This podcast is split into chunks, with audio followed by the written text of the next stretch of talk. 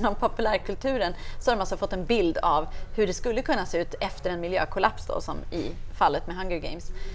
Men de hade ingen bild över hur det skulle kunna se ut i den hållbara framtiden. Det finns ingen konkurrerande, i alla fall inte som de uttryckte i våra möten, fanns ingen konkurrerande bild av hur det skulle kunna bli i en positiv bemärkelse. Och det där tyckte jag var väldigt talande på något vis för, för dagens samhälle och för omvärlden och, och samtiden på något sätt. Eh, och det tycker jag känns eh, svårt. Välkommen till det 27 avsnittet av Klimatpodden med mig, Ragnhild Larsson. Ja, sedan förra avsnittet har ju Donald Trump blivit vald till USAs president. Och det känns både overkligt och väldigt deppigt på många plan, inte minst med tanke på klimatförändringarna. Redan innan Trump blev vald hade vi ju en lång uppförsbacke framför oss som ibland kändes oframkomlig. Och det sista vi behövde var väl en klimatförnekare som president i USA. Så vad gör vi? Ja, att ge upp känns ju inte som något eh, vettigt alternativ. Så jag upprepar Per Holmgrens devis.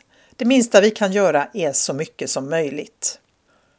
Jag hoppas i alla fall att ännu fler inser allvaret och det akuta läget och blir motiverade att engagera sig. En av dem som inger hopp är dagens gäst, Kajsa Kramming. Hon är talesperson för och en av initiativtagarna till Föräldravrålet som bildades 2012 som en protest mot att så lite händer i klimatfrågan.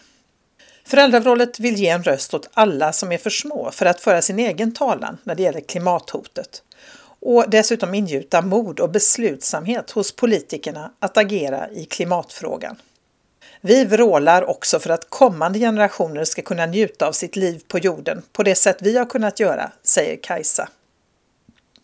Kajsa är gymnasielärare i geografi och samhällskunskap i botten, men eh, nu är hon doktorand i kulturgeografi vid Uppsala universitet, där hon forskar på hur ungdomar ser på relationer mellan miljö och människor. Vi träffades på Kulturhuset i Stockholm i oktober och det blev ett samtal om vad en gräsrotsorganisation som Föräldravrålet egentligen kan åstadkomma. Och varför det känns bra att engagera sig ideellt och om den kommande kampanjen Happy Sweden som går ut på att visa att det som gör oss lyckliga också är det som är klimatsmart. Och om du nu vill skratta lite så rekommenderar jag också föräldrarollets film Klimatfällan som ligger på Klimatpoddens hemsida. Kajsa pratade också om bristen på visioner av det hållbara samhället. I sin forskning har hon sett hur unga människor föreställer sig miljökollapsen ungefär som filmen Hunger Games. Alltså en väldigt mörk framtidsvision. De har helt enkelt ingen bild av hur en annorlunda, mer hållbar värld skulle kunna se ut. Ja, kanske det är en av de allra viktigaste uppgifterna idag att ge utrymme för berättelserna om en bättre, hållbar, klimatsmart och mer rättvis värld. Hur ska vi annars kunna vara med och skapa den där världen? Allt börjar ju trots allt med en idé och en föreställning om att något annat är möjligt. Om du vill veta mer om dagens avsnitt och föräldravrålet och Kajsas forskning så kan du titta in på Klimatpoddens hemsida www.klimatpodden.se. Och om du inte redan prenumererar så står det också där exakt hur du ska gå tillväga. Och som alltid är du välkommen att höra av dig med idéer, synpunkter och förslag på gäster. Ja, och så är Klimatpodden nominerad till Svenska podcastpriset, så gå gärna in och rösta. Antingen kan du googla på Svenska podcastpriset 2016 eller eh, följa länken på Klimatpoddens hemsida. Men nu kör vi igång samtalet med Kajsa Kramming. Varsågoda! Välkommen till Klimatpodden Kajsa Kramming. Tack. Vem är du? Jo, jag heter Kajsa. Jag kommer ifrån Stockholm, flyttade till Uppsala i början på 90-talet och har bott där. Eh, jag har ett förflutet som lärare i gymnasiet i geografi och samhällskunskap och sen så efter ungefär lite drygt tio år i yrket så tänkte jag att det roligaste tyckte jag, det var ju att ha kandidater, lärarkandidater. Och då kom jag på att då kanske jag ska jobba med lärarutbildning istället. Men Aha. för att kunna göra det så måste man då doktorera. Och det håller jag nu på att göra. Och eftersom jag har undervisat väldigt mycket och tyckt att det varit jätteroligt att undervisa i hållbarhetsfrågor så har jag då eh, valt att forska också om utbildning för hållbar utveckling och eh, ungas, ungas omvärldsföreställningar om idag och framtiden. Just det, vi kommer ju att återkomma till det. Men du är också en av initiativtagarna till föräldravrålet. Ja, det är jag. Det var ju eh, jag och några till som var med och startade föräldravrålet i december för eh, ungefär fyra år sedan är det nog nu. Så vi har hållit på ett tag. Och vad var det som fick er att starta Föräldravrålet? Vi kanske ska börja med att berätta vad det är för någonting ja, först. Föräldravrålet är ett nätverk eh, för föräldrar som tycker att det händer för lite i klimatfrågan eh, och som vill eh, sätta lite fart på, som det började då med var våra politiker och det startade då inför valet 2014. Så då var det mer en intresseorganisation för att få upp klimatet på dagordningen inför valet.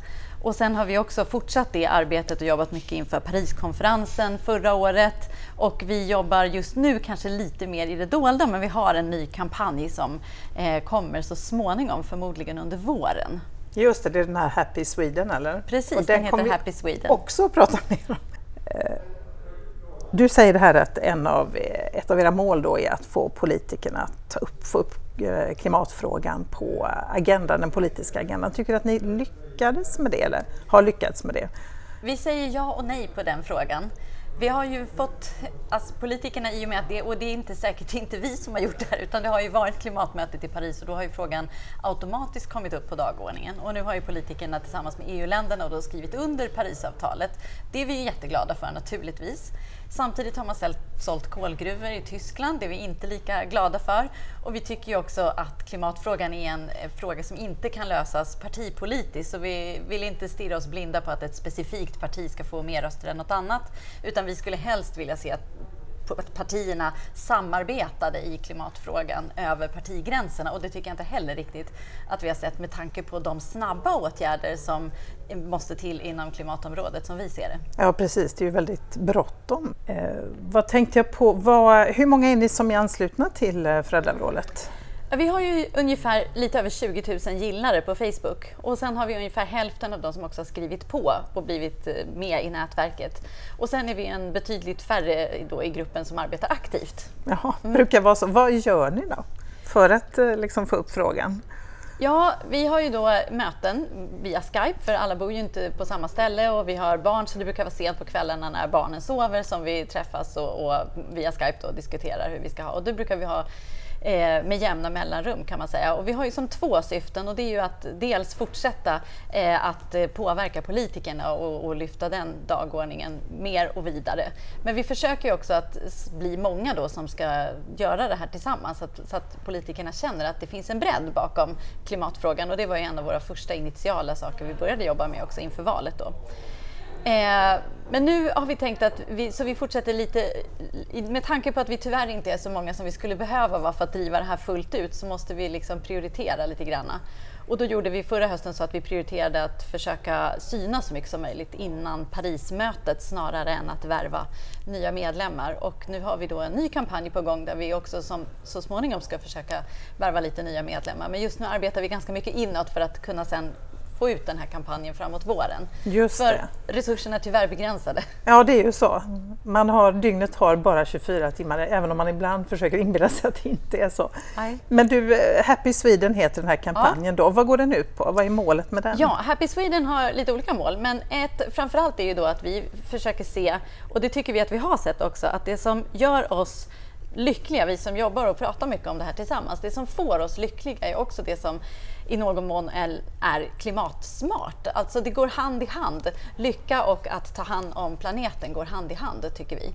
Och det här skulle vi då vilja fördjupa lite grann och vi ser ju också när man har hittat, vi har tänkt mycket på våra egna värderingar och man hittar dem så ser man ju väldigt mycket runt om sig som man inte tycker stämmer överens med de värderingarna och det känns som att man hela tiden tvingas göra val som man egentligen inte skulle vilja göra. Men systemet är sådant att vi tvingas att göra det som vi egentligen inte vill.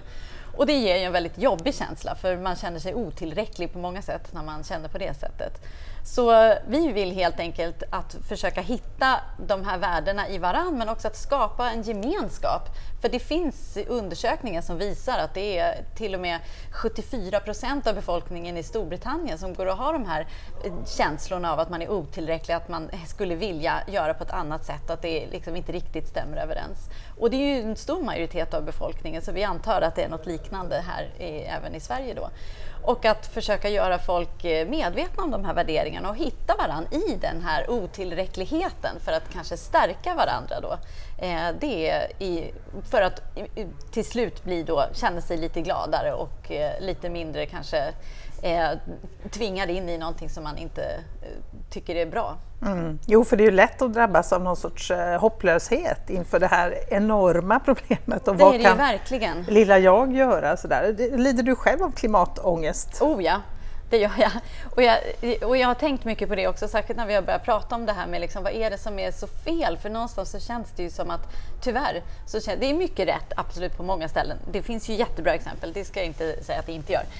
Men det finns också mycket, och jag tycker varje dag behöver ta ställning för någonting och det behöver inte alls vara i handling alltid, utan det handlar också om tankar. Och det, är, det känns som att jag måste gå emot strömmen varje dag och tänka annorlunda än vad... Och jag, tänk, och jag, jag tycker att det är en kamp, eller jag kämpar mot det varje dag så att säga. Och då är det så oerhört skönt att ha en bas i att man vet att det finns andra som, som känner likadant och som man också kan prata med, så vi pratar lite samma språk då. Ja. Så det har vi också tänkt att man behöver kunna prata om de här sakerna. Det måste kunna finnas ord för det och det måste kunna finnas ett forum för det. För att, ja, vi är som sagt ganska få som är aktiva och inblandade i den här, men jag är helt säker på att det finns många fler där ute som känner likadant och som också skulle känna hur skönt det är att vara fler i mm. det här som är ändå jobbigt om man börjar tänka på det. Mm, jo, det är ju det. Och jag tänker, men det är ändå det här, för det tycker jag är genomgående bland de gäster jag haft här i Klimatpodden, att eh, många finner ju någon sorts, eh, vad ska jag säga, lindring, bot, inte bot kanske, men lindring i sin klimatångest när de gör någonting tillsammans mm. med andra. Absolut. Därför att visst, jag kan hålla på och sopsortera, jag kan cykla till jobbet och jag kan göra, kanske flyga mindre eller helt upphöra flyga som vissa faktiskt gör. Eh, men man kan ju ändå känna sig väldigt otillräcklig i det. Ja, jag gör allt det där. Ja. Eh, jag har inte upphört att flyga helt, jag har försökt. Och det, är, och, det är svårt. det är jättesvårt, ja. jättesvårt är det. Eh, så, men ändå känner jag ju mig som sagt Men det är ju för att systemet inte riktigt är... Det går ju stick i stäv, det är inte logiskt på det sättet att, att det går ju emot, det liksom undergräver och det är någonstans Eh, på många sätt i samhället så kan man se det som att det verkar lite mer som en naturlag, liksom, att så här ska vi leva, så här ska vi ha det och så vidare. Men det är ju någonting som är socialt bestämt, så det är inte så att det inte går att ändra. Och det är ju en god nyhet. Eftersom det är socialt konstruerat så går det också att förändra med sociala medel. Så det är, känns ju ändå bra. Men hur det ska gå till, det har vi inte riktigt något svar på. Nej, inte helt. Men känner du eh, hopp då? Eller hur ser du liksom på framtiden? Ja, jag, det ska jag säga att det varierar ju naturligtvis. Men i grund och botten, eftersom jag håller på så mycket med det här. Nu har jag ju varit talesperson för föräldrarådet i fyra år. Eh, lite till och från, men mest till. Och eh, jag tycker fortfarande att jag känner att jag har energi att liksom ta i de här frågorna. Trots att jag upplever det är jobbiga frågor så får jag också ut väldigt mycket av det.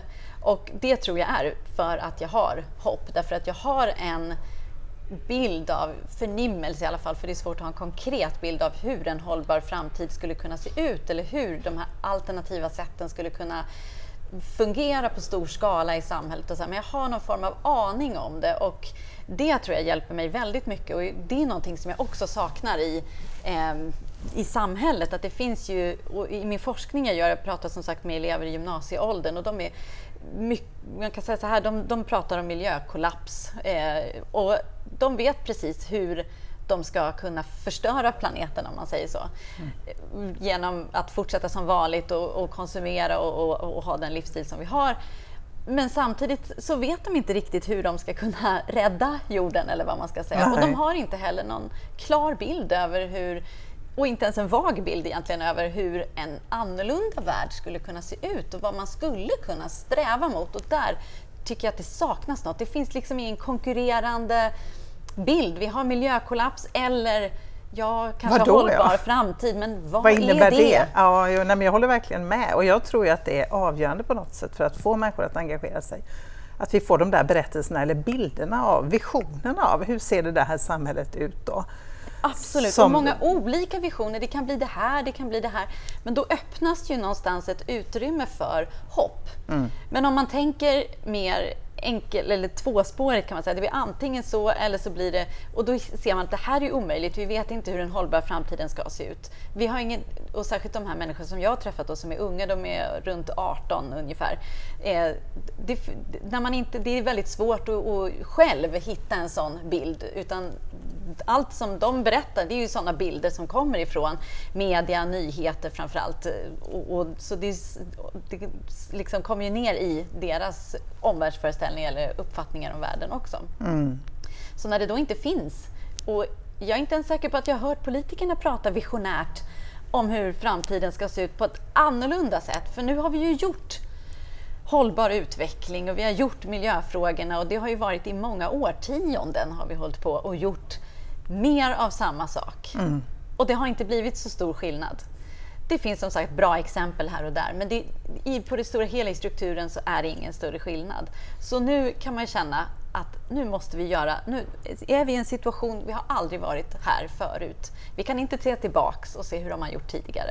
Utan det här är någonting vi måste hantera som det ser ut nu. Vi får börja här och så får vi pröva oss fram. För det går ju inte att veta. Är det här bra? Är det dåligt? Det kommer vara bra på vissa ställen, på vissa sätt. Det kommer vara dåligt på vissa ställen, på vissa sätt. Och här måste vi liksom börja avgöra och börja testa oss fram. Annars kommer ingenting hända, tror jag. Och det behövs helt nya tankar och det är jättestort och jättesvårt. Eh, men det ger utrymme för hopp, för det kan vara så kittlande. Tänk om det skulle lyckas. Det är en väldigt kittlande tanke. Tänk vilket samhälle vi skulle kunna få.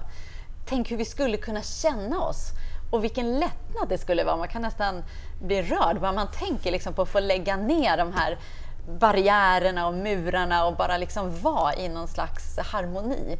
Eh, och det driver mig framåt. Ja, ja, för ja, det är mycket i världen som inte är hållbart om man säger, jag menar, bortsett från klimatet, jag menar, vi jobbar väldigt mycket, vi, alltså det finns ju stora problem i väldigt många områden så det är inte så att vi lever i den bästa av världar och nu måste vi avstå från allt detta för att rädda klimatet utan just det att, att vara med och rädda klimatet eller rädda, ja, att, att motverka klimatförändringarna det, ja, men det går ju på något sätt hand i hand, det kan göra med också en bättre värld så att säga, och ett bättre samhälle som Ja. är mer Och något perfekt samhälle, det tror jag inte vi Nej, kommer få. nej. Och där blir vi kanske också hopplöst om man tänker att man faktiskt ska försöka få ett perfekt samhälle, för det blir ju Ja. för svårt det med. Det verkar Så- hopplöst. Det kan man lägga ner på en gång.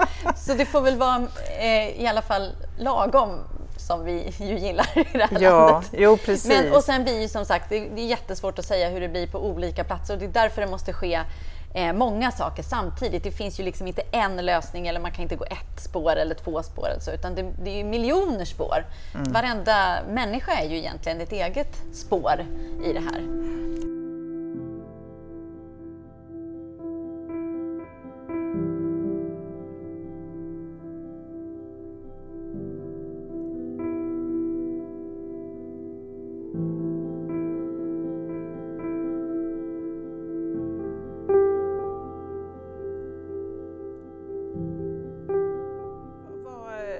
Vilken roll spelar då sådana här krafter som föräldravrålet och andra gräsrotsorganisationer tänker jag, i den här omställningen för att driva på utvecklingen? Ja, det har jag frågat mig. Eh, och jag tror för vår egen del så spelar vi ganska stor roll, vi som är aktiva. Eh, nu är det ett väldigt litet, vi hade ju ett väldigt stort och bra syfte när vi började, det har vi som sagt fortfarande. Och där har vi väl inte riktigt, men det finns vissa, jag kan höra vissa saker som vi började formulera. Vi försökte formulera en, en en eh, jargong kan man säga, eller en, ja, ett sätt att, att prata om klimatfrågorna då när vi började för fyra år sedan. Och vissa av de formuleringarna som vi har haft har jag ju då hört också politiker nu för tiden säga och de tar in det lite som en standardfras de ibland säger. Och det är ju roligt att de har anammat vårt sätt att prata om klimatfrågan, nu vet jag inte om det var exakt vårt, men jag känner igen det som, det som vi har sagt och sen det som de säger. Då kan man höra att det liksom ändå går. Så någonstans lyssnar, eh, har de ändå ett öra åt det här hållet och det är samma sak med forskare som också kan ta in liksom att de här rörelserna finns. Och att, jag tror att det är jätteviktigt att de finns. Eh, det är svårt att mäta i sak liksom hur, hur mycket påverkan och, och, så vidare det gör. Men att det finns, oavsett om det är stort eller smått, det tror jag är väldigt viktigt bara för att visa att det finns en önskan och en drivkraft för någonting annat. Mm. Mm. För jag tänker, tror du att det är det som får, för det känns ju inte som att politikerna av, vad ska man säga, av egen kraft håller på och kommer med massa förslag och lösningar eller vad ska vi säga, styr i den här riktningen då för att det ska bli ett mer hållbart samhälle. Alltså är det, tänker jag, viktigt för att de ska känna också att eh, ehm, ja, att, att det här är på allvar, att det här är faktiskt någonting som människor vill. Ja, de har också till och med sagt det, att om ni visar oss, för vi, hade ju, vi gjorde enkäter lite så i början då, och då var det fler politiker som svarade då att om ni visar oss att det finns den här opinionen och att ni vill att vi ska göra så här, så gör vi det kanske vi inte riktigt håller med om Nej. att det blev så. Men det var, och jag tycker det finns väldigt många som har visat väldigt mycket i den här frågan. Jag tycker ändå inte att det alltid stämmer kan vi konstatera då. Men det fanns ändå den uppfattningen att om ni visar vägen så kommer vi följa den. Och jag menar, det, nu, det har vi hållit på i fyra år, så kanske om 20 år. Ja. Nu kan jag tycka att det är lite långsamt. Det är lite, ja. lite sent. Men, ja. men det kan ju vara så att saker och ting ändå skulle behöva ta tid då. Men, så att, men vi har ju ändrat lite strategin eh, och fokuserar faktiskt lite mindre på politikerna nu på senare tid för vi känner att det finns kanske snabbare sätt. Ja, och så vi har liksom omförhandlat lite vad, vi, vad som är vår kärnverksamhet just nu också på grund av eh, lite manfall här och där ibland. Mm, mm. Men är det inte, vad är din förklaring till att politikerna är så eh, långsamma i det här då? Eftersom det är akut och någonstans tänker jag att om någon ställde sig upp och verkligen hade de här visionerna om ett hållbart samhälle så skulle i alla fall den personen få min röst ja, direkt. Och, det är därför och vi jag har tror pratat, inte jag är ensam. Verkligen inte. Och vi har verkligen pratat om det här med mod och beslutsamhet hos politiker. Att det är det som vi vill se. Mod och beslutsamhet. Och även politiker har ju barn. Vi har ju då som sagt en föräldra vinkling på det här så att vi pratar ju mycket om hur våra barn, vilket samhälle de ska vara vuxna i och få egna barn i och deras barnbarn och så vidare med hur många grader det nu kan tänkas stiga och vilka effekter det får. Och vi kan se flyktingar och bara idag den flyktingvågen som har kommit nu som förmodligen kommer vara väldigt liten om man, det här nu skulle fortsätta och det blir fyra grader varmare eller tre grader varmare så är det liksom bara kanske en liten försmak av vad vi kan få. Och det samhället känns inte alls trevligt för vad jag skulle vilja att min dotter och, hennes eventuella barn ska, ska leva i då till exempel. Och det här måste ju politikerna också tänka på. De säger ju att de gör det och så vidare, men man kan ju ändå... Det är ju jag tror att det finns ju det här med partipiska och det finns ju med viss eh, Alltså det är också ett socialt tryck som de har och så vidare. Så jag tror att det är oerhört svårt att gå ifrån det. Mm. Så att frågan är... Jag, personligen så kan jag väl tänka mig att de borde ju kunna gå lite längre kanske jag kan tycka. Eh, men det är inte bara politikerna utan här måste det till. Politikerna är väldigt känsliga för vad, vad liksom är de känsliga för? Jo, de är känsliga för ekonomi, marknad, sådana saker kanske att man skulle också försöka se hur man kan liksom snabba på de här processerna och snabba på trycket på politikerna genom att använda inte bara väljare utan kanske även andra medel eh, i samhället också. Mm. Ja, det, verkligen, ja. verkligen. Just det här föräldravinkeln, varför valde ni den? Eller varför eh, var det viktigt för er? Vi var ju föräldrar allihopa. Ja, just det. Var, det låg nära till hands. Ja, det låg nära till hands och jag tror att just den här klimatångesten som, som var också en förenande kraft ändå eh, gällde i mångt och mycket just uppväxtandet, liksom framtiden, världen och samhället för, för våra barn som ju var mycket mindre då, fast det har ju varit varierande då förstås. Men, eh, och, och, det kändes klart oroande och då kan man också fråga sig själv någonstans, vad har jag nu gjort? Mm. Eh, och kanske när min dotter, som jag sa, mycket har haft och, och pratat mycket om, som jag också har hört att politiker har börjat prata om nu, då, det är ju att när mitt barn som vuxen tittar mig i ögonen och frågar varför gjorde du ingenting? Mm. Då måste jag ju kunna säga, ja men det gjorde jag. Ja, just det. Jag. jag. gjorde vad jag kunde. Ja, och jag ja. gjorde vad jag kunde, eller vi mm. kunde göra det här och det ja. gjorde vi. Och så, men det skulle vara väldigt jobbigt att, inte, att stå svarslös inför ja, en sån fråga för mig. Eh, så att jag på något sätt eh, måste väl... Jag, och sen, jag, får ju, jag mår ju bra av att göra det här också, på många mm. andra sätt också. Mm. Men det känns också skönt att veta att jag faktiskt kan svara på just den frågan. Ja, just det. Istället för att säga... Jag, för jag menar, ingen människa idag kan ju säga att man inte vet om det här.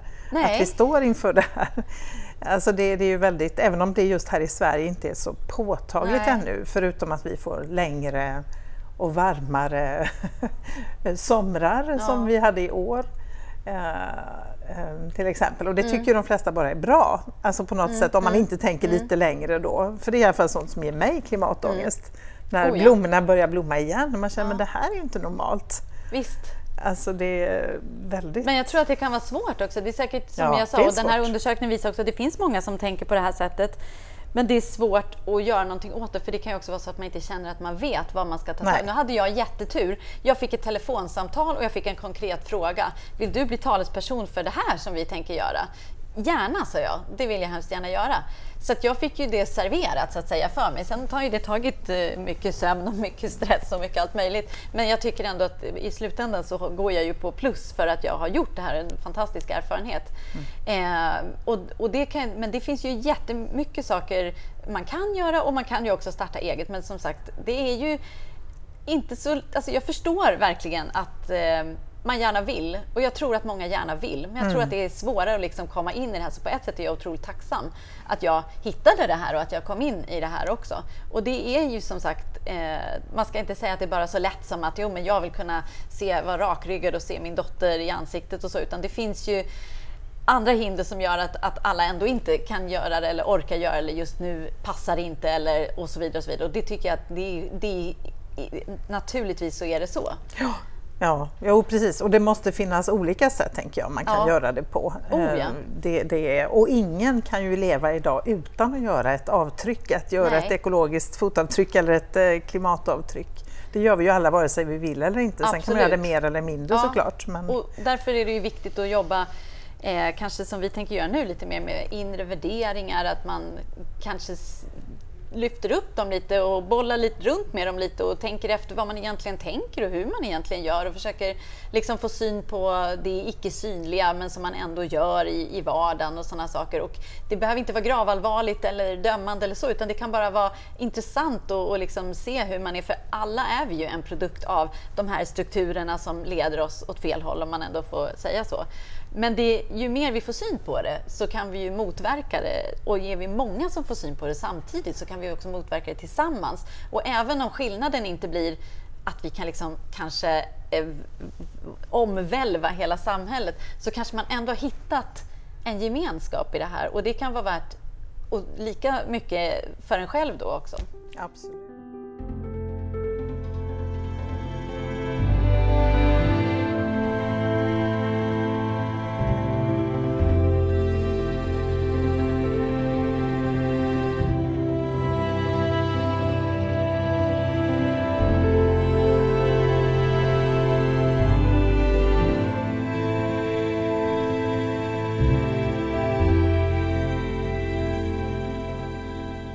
När du går på middag ställer du ofta frågan då till de som sitter bredvid, hur känner du inför klimatförändringarna? Det har jag aldrig gjort och det kanske jag verkligen borde ha gjort. Men det är så det, ibland så är det också, nu tänker jag ju på det här dag och natt och med min forskning som ligger lite i det här ämnet så har jag ju levt med det här nu i många år, dag och natt. Så jag kan ju tycka det är väldigt skönt att prata om svenska Hollywoodfruar. Ja, det förstår jag. Vilket jag i och för sig gärna gör då. Som avkoppling, det som bara rinner av mig. Jag tycker det är väldigt skönt att eh, och, och, och verkligen tänka på något annat. Ja. Eh, så jag brukar inte göra det. Eh, men det är också svårt. För att det är många som, om man kommer in på det så vet ju många då att jag är aktiv och så aktiv som jag hinner vara då naturligtvis. Och då får man ofta ursäkter. Ja, men jag flög dit för att du vet jag skulle. Men det finns ingen som behöver ursäkta sig för mig. Jag är inte... Du är inte den som dömer jag är, andra nej, då? och jag är inte miljön och jag inte... Utan Nej. det blir som att folk vill liksom bikta sig lite Ja, ja, grann vad när, när de börjar prata. Och jag vet fler som har upplevt samma sak. Att, att man på något vis försöker bikta sig. Men jag, gjorde det här. men jag gör verkligen inte allting rätt. Alltså jag, gör ju, jag har testat med olika saker och jag har försökt själv i mitt privatliv då, samtidigt som jag gjort det här med talespersonen och, så- och min forskning och så, att se vad jag kan förändra och vad som har varit svårt och vad som har lätt och varför det har varit så att jag har gjort som ett eget litet experiment vid sidan om. Ja. Och vissa saker har ju gått bra och vissa saker har inte alls gått bra. I perioder går vissa saker bra och sen faller man tillbaks och så gör man Just för att det är så, och det är det som är mest talande, att det är så himla svårt. Och det är just att det känns som att man hela tiden måste slåss liksom. Och det är inte, även om jag har hoppet och även om jag ser det här som jag ändå är det som driver mig då, så det är svårt i alla fall. Och Ja. Det går upp och ner med energin kan man säga. Ja, verkligen. Eh, Men vad är det som är svårast då? Flyga tycker jag är jättesvårt. Min eh, familj som bor i London. Eh, jag blir åksjuk på tåg. Eh, jag, alltså, och båt vill jag absolut inte åka. Jag vet inte ens om det är särskilt mycket klimatbättre. Äh, nu kan jag tala om att just i England går det inte ens båtar längre härifrån Nej. Skandinavien. Jag har kollat. Men det, ja. Och åka tåg. Jag åkte tåg till Tromsö förra vintern och jag åkte tåg till Berlin. Och jag, har, jag blir så snurrig i huvudet så att jag mår liksom verkligen risigt i ett dygn. Och det är ett högt pris att betala. Och jag tycker att det är lite för högt ibland. Eh, och då blir, så det kan jag känna mig lite begränsad eh, över. Liksom, att jag skulle vilja...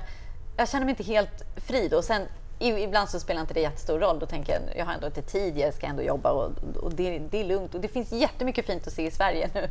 Också, det finns jättefint i det lilla och, och, och så vidare. Och så vidare. Men jag har inte varit i Alperna på tio år, jag älskar att åka skidor och åkte mycket buss dit tidigare och det kanske jag kan göra igen. Det är att jag är lite bekväm och, och familjesituation och så. Men det saknar jag till exempel, det är något som jag verkligen saknar. Men samtidigt ska jag flyga ner dit, det känns liksom helt fel. Det känns som att jag på något vis sågar av grenen jag sitter på, för det är ju dit jag vill till snön och då kan jag inte... Så där blir Ja, jag lite det. Och- handlingsförlamad. och- ja, Liksom. precis. Eh, samtidigt som jag vet hur skönt jag skulle tycka det var och hur fantastiskt jag skulle må. Eh, så det har varit, och det där, där har jag en kamp inom mig, den här kognitiva dissonansen. Hur ska jag liksom agera? Hur ska jag göra? Eh, så det tycker jag har varit, eh, jag, det är väl rörelsefriheten som, som, och den behöver inte vara absolut egentligen hur jag är, utan det kan vara relativt. Liksom. Att jag tänker att det där skulle, nej, det går ju inte. Nu har jag rest en del eh, och jag har sett mycket och jag är jättenöjd med det. Eh, så jag kan vara ganska nöjd med de- långre, liksom upplevelseresor så här, egentligen. Jag får försöka se det så. Och det kanske är någon annan nu som ska ta vid och, och göra de här resorna som jag inte... Men inte allt, alltså ibland så... Nej, det är svårt, jag håller med. Så är man lite alltså. självisk och tänker, gud, att få kasta sig ner för en pist. Ja, Ja. gud. Ja. Men det är ju som du säger, om vi flyg, fortsätter flyga liksom, eh, i allt för hög utsträckning eller överhuvudtaget så, så har vi snart ingen snö i Alperna. Och sen är det så symboliskt också med Ja, Alpernas glaciärer och allting, så Ja. det skär liksom i hjärtat på ett speciellt sätt. Eh, det gör ju det. och det är ju speciellt. Du, jag tänkte vi skulle prata lite om din eh, forskning. Eh, berätta lite, för du håller på med en doktorsavhandling nu. Ja, eh, jag är i sluttampen på en doktorsavhandling. Ja, vad härligt. Ja, det är Skönt för dig. Tack. Den är inte godkänd än så jag ska inte ropa hej förrän i maj faktiskt. Men det är så långa trycktider och beredningstider Ja, ja, ja. och lite sådana saker så att jag, jag kämpar på. Eh, och det är ju då, jag, som lärare så kunde man göra en fortbildning som kallades för Forskarskolan i geografi. Eh, och då ansökte jag om den och det var på Uppsala universitet och så kom jag in så då skrev jag en licentiatuppsats. År 2014 blev jag klar med det. Eh, och sen tyckte jag det var så otroligt roligt att forska så då ansökte jag om eh, och fick en doktorandtjänst. Så jag har fortsatt lite grann på, på min LIS-uppsats då. Och det handlar, LIS-uppsatsen handlar om gymnasieelever och hur de ser samband mellan miljö och människor. Kan man säga i stora drag. Eh, Hur menar du med samband mellan eh, att, miljö och människor? de fick jobba i en workshop eh, och så fick de en det här är geografi då, så då fick de som en plansch på jordens stora system där de har luft och vatten, eh, berg, biosfär och sen antroposfär, människan då. Eh, och sen skulle de titta på hur de här olika sfärerna påverkade eller påverkades av konsumtion av jeans och vilka kopplingar som uppstod mellan de här. Och så fick de diskutera det i en workshop och så fick de redovisa och så fick de berätta. Och så tittade jag då utifrån det vilka kopplingar och samband de såg mellan, så det lite, handlar lite om deras miljösyn kan man säga och hur de ser. Eh, och, och, det här diskuterade jag då i uppsatsen och metoden och så har ju också förstås vissa begränsningar som alltid. Men det jag såg då var ju att det var, de här gick i tvåan på gymnasiet så att de var 17-18 år, det var på vårterminen också. Många som såg självklart att konsumtion av jeans, det blev ju genast problem för miljön. Eh, men inte lika många såg att när det då blir de här miljöproblemen så kommer det också slå tillbaka och eh, påverka drabba människan, dem. drabba mm. människan negativt. Mm. Och i den mån de gjorde det så var det ju också på andra platser.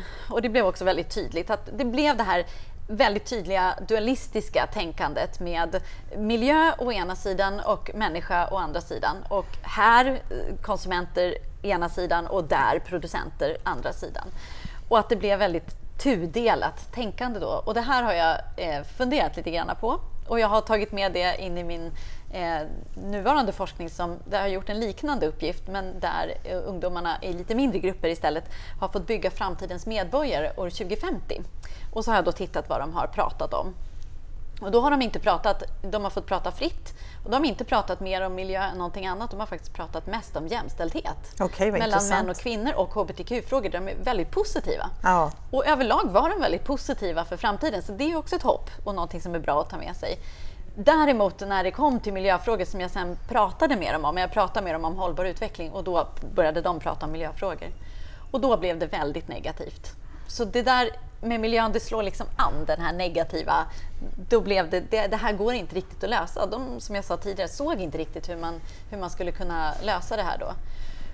Då tänkte de å andra sidan, i den kontexten, så fick de ju eh, utveckla sina resonemang mer. Och det som hände då var att de började tänka mer ömsesidigt mellan miljö och människa.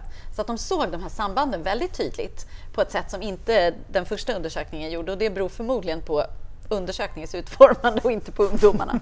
Jag vill bara säga, förtydliga det. Eh, så det var ju mer tid. De fick ju mer tid i den här andra eh, undersökningen. Jag lyssnade på dem och vi samtalade om det och så vidare. Desto mer olika samband såg de. Och det är ju intressant också att det behövs den här tiden att få sätta ord på och, och prata och så. Då fick jag fram jättefina berättelser om, om eh, hur de tänkte sig framtiden i miljön, fast lite skrämmande också. Då. För de var inte så positiva? De var väldigt negativa. Och de, ja. de ser ju då att framtiden kan bli dålig eh, om vi inte hanterar miljöfrågorna på ett tillfredsställande sätt nu. Eh, och enda sättet att nå den här hållbara framtiden som vi pratade om tidigare, det är ju då att, att angripa miljöfrågorna och lösa dem eh, som det ser ut. Det är liksom förutsättningen för att vi ska kunna få en hållbar framtid. Så det är liksom det finns ju möjligheter att få det, men den är villkorad. Och villkoret är just att miljöfrågorna, och det var mycket klimatfrågorna de pratade om då också förstås, hanteras på ett bra sätt och ganska snabbt. Så vi får ju lite press på oss nu. Verkligen. Men hur ser de på det, sin egen roll i detta, då? Att möjligheten att påverka och förändra och sådär? Ja, de hamnar i ett mellanting. Det här säger de ju inte, utan det här är någonting som jag har hittat då, när jag har lyssnat på vad de har sagt och, och, eh, läst vad de har sagt och så vidare. Att det finns ju då de här naturligtvis individuella åtgärderna med panta burkar, som de säger, panta flaskor och sopsortera och så vidare. Och sen så finns det de lite mer övergripande eh, lösningarna som vindkraft till exempel. Kärnkraft är det några som nämner också. och sen så sol, andra lite större lösningar. Och däremellan är det tomt mm. i deras berättelser, okay. i det de säger.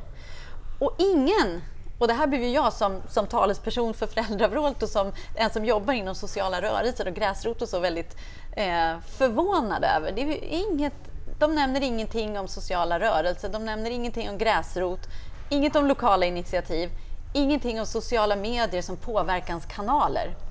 Ingenting av det finns med i det de säger. Nu frågar jag inte rakt ut om det, Nej. men eh, de har absolut möjlighet att ta upp det i samtalet. Ja, även om jag inte frågar om det exakt. Då. Men det finns inte, så det är väldigt tomt i mitten. Och det här, visionerna finns ju inte heller. Eh, och det, jag tror då att när det blir väldigt så här att man har det ena eller det andra, då blir det på ett sätt väldigt svårt att hitta hoppet. Mm. Därför att det, det, finns inte liksom utrymme, hoppet finns ju lite i ett utrymme som där vi inte kan veta vad som är okända, ja, kan man säga. Det. I det okända kan vi hitta hoppet. Jag hittar ju till exempel mitt hopp i något okänt som jag har. Och vi har inte de pratar väldigt mycket om eh, Hunger Games, böckerna och filmerna som då var på, de gick på bio då när jag gjorde den här undersökningen. Och det var spontant hälften av, av grupperna och hälften av eh, eleverna eller ungdomarna som var med där som sa att framtiden, ja, det kommer bli som Hunger Games.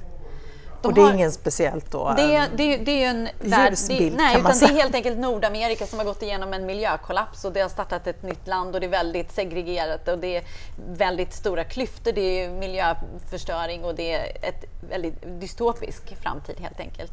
Och där sa de det. För det har de en bild av. Mm. Genom populärkulturen så har de alltså fått en bild av hur det skulle kunna se ut efter en miljökollaps då, som i fallet med Hunger Games. Men de hade ingen bild över hur det skulle kunna se ut i den hållbara framtiden. Det finns ingen konkurrerande, i alla fall inte som de uttryckte i våra möten, fanns ingen konkurrerande bild av hur det skulle kunna bli i en positiv bemärkelse.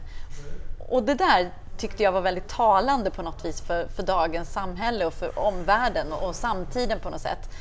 Eh, och det tycker jag känns eh, svårt.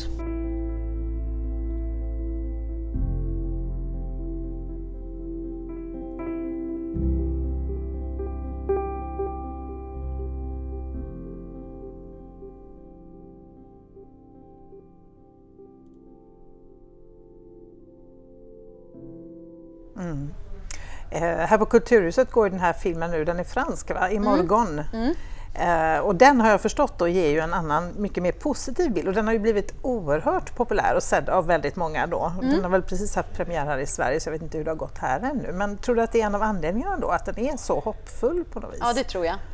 Jag tror att det kanske är, till och med känns som ett nytt grepp ja. på de här frågorna som normalt sett är väldigt eh, sammankopplade med, med just kollaps och dystopiska. Och det är mycket om man läser rapporter så är det, det där har minskat och det där har ökat och det är väldigt sällan det är just i miljöfrågorna med biologisk mångfald och klimat och så, det är väldigt sällan det är goda nyheter och särskilt inte nu med alla de här värmerekorden som har varit under en lång period och det, det är ju otroligt dåliga nyheter kan man säga. Mm. Och då för all, alla varje dålig nyhet så kommer det ju inte en bra. Nej, det är ju inte riktigt så. Det är Utan, inte den balansen. Det är inte den balansen. det är mycket annan balanserad rapportering i media, men ja, inte, just när det gäller, nej, nej. inte just när det gäller det. Men det är ju en ständig diskussion, tänker jag, det här hur mycket man ska liksom gå ut med de här dystopiska framtidsbilderna om vad som händer om vi nu inte får stopp på detta väldigt snart.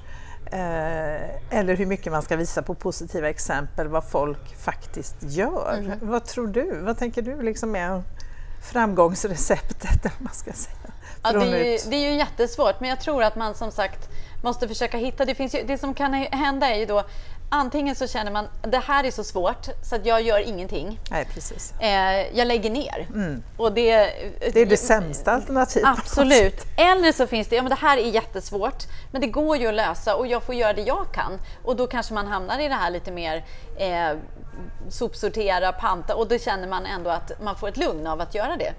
Eh, eller så, så kan man se det lite större då. Nu har vi kommit till en punkt där vi måste göra något helt annat vi ska givetvis fortsätta att sopsortera, alltså göra det som, så långt vi har kommit.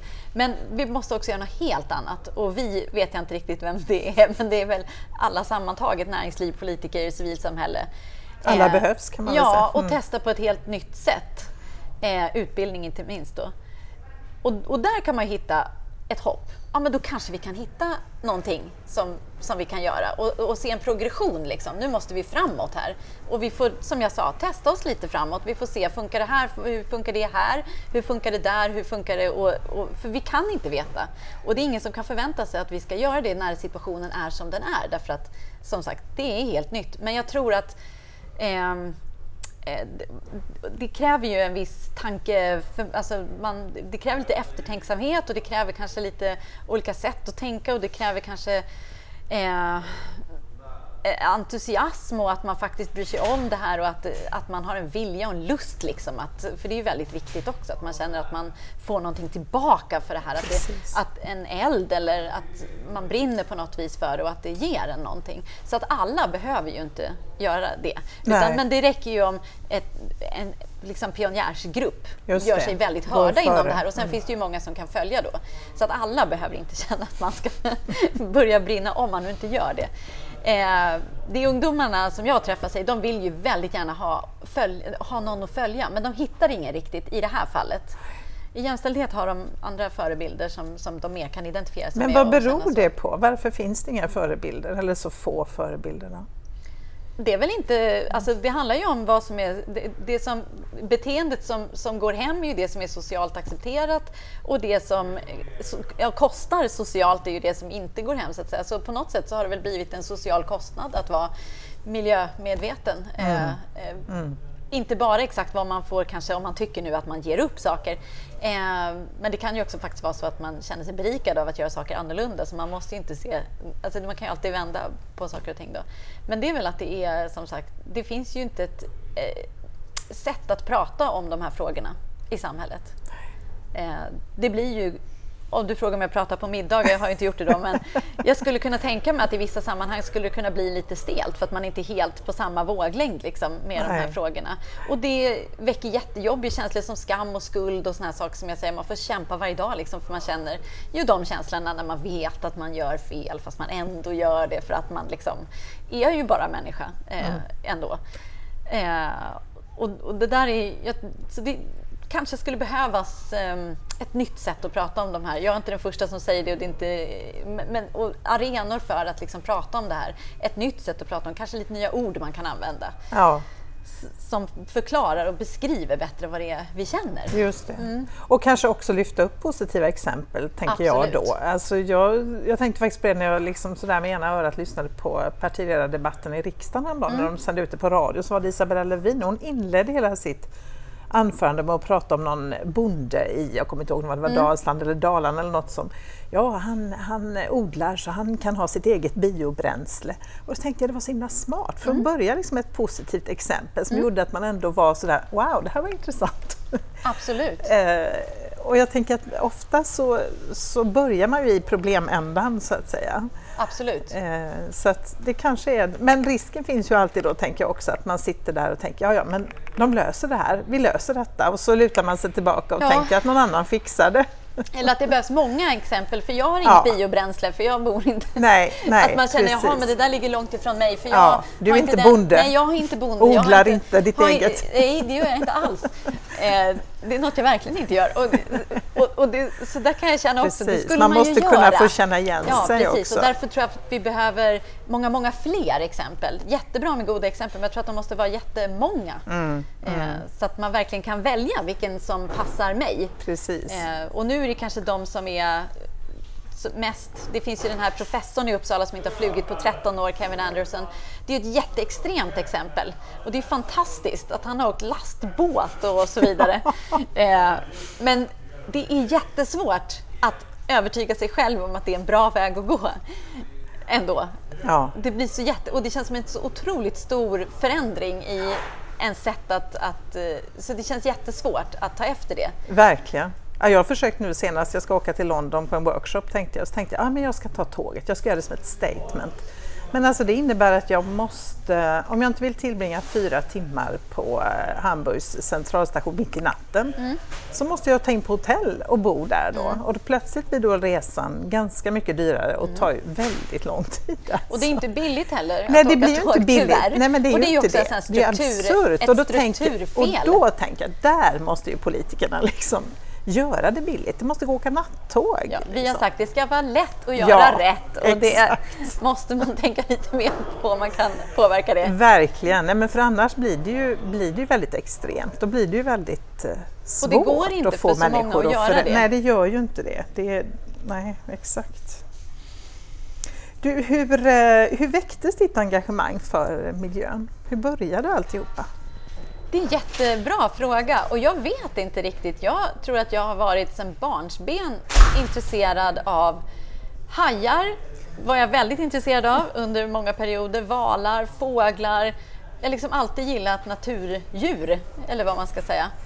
Eh, så att jag kan inte riktigt svara exakt på när det väcktes och det var också lite därför jag valde geografi som ämne och undervisa i för det låg ganska nära. Jag har gått samhällsvetenskapligt program så att jag var inte så matematiskt eh, begåvad på den tiden. Så jag valde samhällsvetenskapligt program och då det, kunde man inte välja så mycket av det naturvetenskapliga på universitetet sen då. Men geografi gick bra så då kom jag in på det av den anledningen. Ja, ja. Eh, och sen så eh, har ju jag, jag, kan inte riktigt svara på det. Sen har jag bara tyckt det har varit jätteintressant. Det är någonting som, som har funnits i mig. Jag kan inte säga något speciellt tillfälle heller nej, när jag nej. liksom blev så här wow, det här är det här var då. Hade liksom. ni husdjur hemma Nej, som ni var liten? Jag hade en, få, en undulat. En, undulat. Ja, den tyckte jag hemskt mycket om. Ja. Men jag vet inte om det var därför Nej. heller. Nej.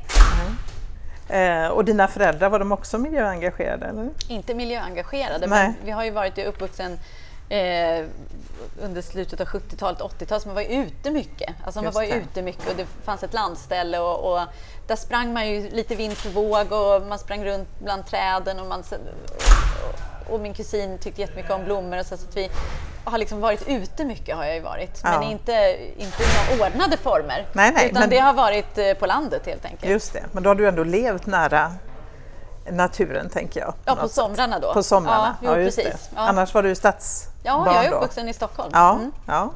Eh, vad är det som gör att du ändå fortsätter hålla på? För du har ju då ägnat eh, liksom, dels det här liksom, ideella engagemanget mm. men också nu då i din forskning. Mm.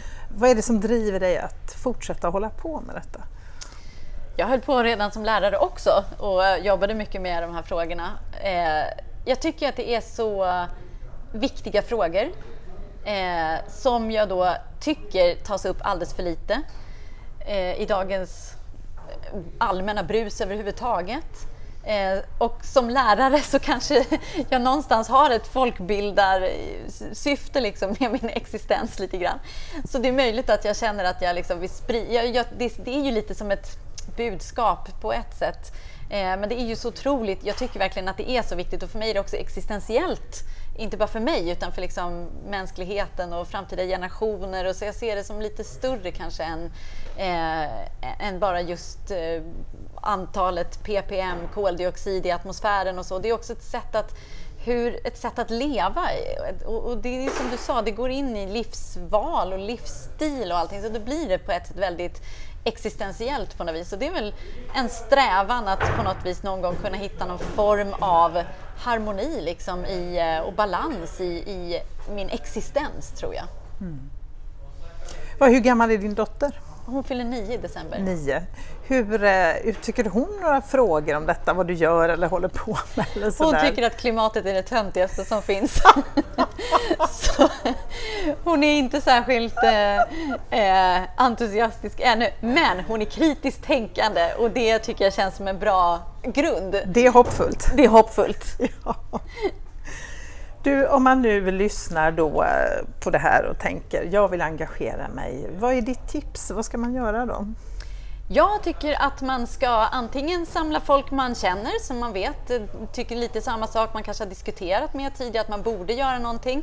Då tycker jag man ska försöka göra slag i saken och, och göra det och det kan vara ett litet upprop eller det kan vara man kan använda sociala medier eller det kan vara en utmaning i familjerna eller eh, något nätverk eller, eller någonting sånt. Så jag tycker att antingen samla ihop ett nätverk som man redan har, som man känner att man vill göra någonting med, eller hitta ett nätverk som finns och eh, helt enkelt kontakta och försöka ta sig in där. Och det brukar verkligen inte vara svårt, för det finns jättemycket sug efter folk som, som vill göra någonting. Människor man, vill engagera sig Ja, men man ska självklart göra någonting som man känner att det här är en bra grej, men bjud över några och, och spåna ihop någonting och ha lite trevligt och, och hitta en bra sak som, som man tror på helt enkelt. Och det, det är ju verkligen skönt om man kan vara fler. Och har man inga andra fler så finns det andra, som sagt, det finns flera organisationer som jobbar liknande som vi gör och det finns andra organisationer också, små och stora, så det finns alla på alla möjliga sätt man kan kontakta och, och så vidare. Så det tycker jag faktiskt eh, om man går och suger lite på, ska jag, ska jag inte, så kan det vara värt att testa för man kan alltid sluta. Ja, det är helt sant. Fast det är svårt att sluta när man väl har börjat. Om man har, om man har tänt elden så kan det vara svårt. Då är det svårt. Men då vill man inte heller sluta. Nej, det är helt sant. Du, om man då vill just eh, engagera sig i föräldravrålet, hur gör man då? Då, då kan man eh, gå in på vår Facebook-sida, Föräldravrålet, och så skickar man ett litet meddelande till oss så kommer vi svara på det. Ni tar tacksamt emot alla vi tar som tacksamt vill emot alla. engagera sig? Absolut. Okej, då hoppas vi att många hörsammar denna uppmaning. Oh ja. Och så tackar jag dig så mycket för att du ville eh, sitta här och prata med mig en stund. Tack så jättemycket för att jag fick vara här.